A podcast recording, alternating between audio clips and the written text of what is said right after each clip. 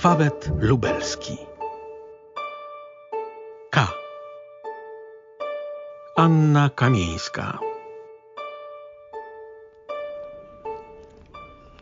Niezbyt często zdarza nam się w alfabecie lubelskim umówić się z Jarosławem Cymermanem poza centrum y, Lublina. Tymczasem miejsce związane z bohaterką naszego dzisiejszego spotkania spowodowało, że poza to centrum wyjechaliśmy. Gdzie jesteśmy, Jarku? Jesteśmy na ulicy Skibińskiej, na lubelskich Bronowicach. To jest miejsce, w którym mieszkała przez kilka lat Anna Kamieńska razem z rodziną. Jednocześnie miejsce, w którym spędziła bardzo ważny czas, bo to był czas dzieciństwa. Ona przeniosła się tutaj w 1925 roku jako pięciolatka. Urodziła się pięć lat wcześniej w Krasnym Stawie i e, zamieszkała tutaj razem e, z rodzicami. I to jest takie, to jest miejsce, w którym spędziła dzieciństwo, ale to jest także takie miejsce, które mam wrażenie, że bardzo mocno naznaczyło ją jako osobę, także później jako poetkę i pisarkę. Mm. To też jest trochę takie miejsce zapomniane, y, bo w ogóle ta część Lublina rzadko bywa opisywana, rzadko bywa odwiedzana także przez turystów, a ona także ma swoją bardzo ciekawą historię. No i Anna Kamieńska jest także jej częścią.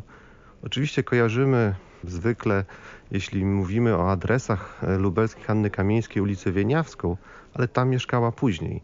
To tutaj ona jako mała dziewczynka dorastała, tutaj uczyła się wrażliwości, tutaj poznawała świat, no i z tym potem przeniosła się do Śródmieścia, a później wyjechała do Łodzi i Warszawy. Czyli w wierszach Anny Kamieńskiej, w tekstach, które tłumaczyła, w notatniku wreszcie, są lubelskie Bronowice. Ale tą inspiracją było co? Ludzie, tamta przestrzeń, tamte zapachy, tamte dźwięki? Ludzie, otoczenie i coś, co jest cechą charakterystyczną e, Anny Kamieńskiej jako, e, jako twórczyni. To znaczy niezwykła społeczna wrażliwość. I ona właśnie tam się tego uczyła. Ona tam też dostrzegła pewną bardzo ciekawą cechę Lublina, o której także nie za często mówimy. Jest taki jej szkic z 1948 roku, list z Lublina, w którym bardzo wyraźnie, mam wrażenie, widać właśnie to dzieciństwo bronowickie, chociaż to nie był już moment, w którym ona była z tym miejscem związana. Otóż ona tam opisuje biedne lubelskie dzieci, które bardzo często trafiły też do Lublina w czasie okupacji z podlubelskich i nie tylko podlubelskich wsi. I ona tam pokazuje związek Lublina właśnie e, z tymi najbliższymi okolicami. E, to, że Lublin był bardzo często takim miejscem, dokąd przyjeżdżali chłopi z okolicznych wsi pracować, albo ludzie, którzy nie mieli z czego się utrzymać na wsi, przyjeżdżali tutaj na kilka miesięcy do pracy, a właśnie tamta część miasta to była część przemysłowa na początku XX wieku. I właśnie ta taka niezwykła bliskość naszego miasta ze środowiskiem wiejskim, to takie przenikanie się wzajemne, które jest widoczne Także u Czechowicza chociażby, który przecież też jest trochę takim e, poetą, który dorastał na pograniczu wsi i miasta, bo przecież jego matka pochodziła z podpuławskich młynek i, i tam także spędzał swoje dzieciństwo. Z tym, że u Kamińskiej jest to bardzo wyraźny taki ten rys społecznikowski. Ona coś chce z tym zrobić. Ta bliskość, ta relacja e, pomiędzy wsią i miastem e, w Lublinie jest szczególnie mocno widoczna. I ona tam też w tym szkicu między innymi mówi, że najlepiej Widać to na lubelskich targowiskach, czyli znowu kolejne miejsce rzadko odwiedzane przez poetów, też chyba niedostatecznie obecne w takiej e, legendzie miejskiej, że tak się wyrażę, naszego, e, naszego miasta.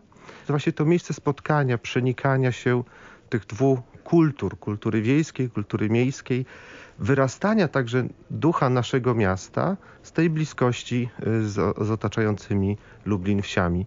I to jest też ciekawe, że właśnie to zainteresowanie twórczością ludową, kulturą ludową, e, także inspirowanie się nią było także cechą charakterystyczną dojrzałej twórczości Anny Kamieńskiej, czyli widać wyraźnie, że jakby te spotkania, które gdzieś się zaczęły na tych poronowickich podwórkach, ona później w jakiś sposób przepracowywała i w dużo szlachetniejszej już formie były obecne w jej e, pracy takiej edytorskiej, w twórczości poetyckiej.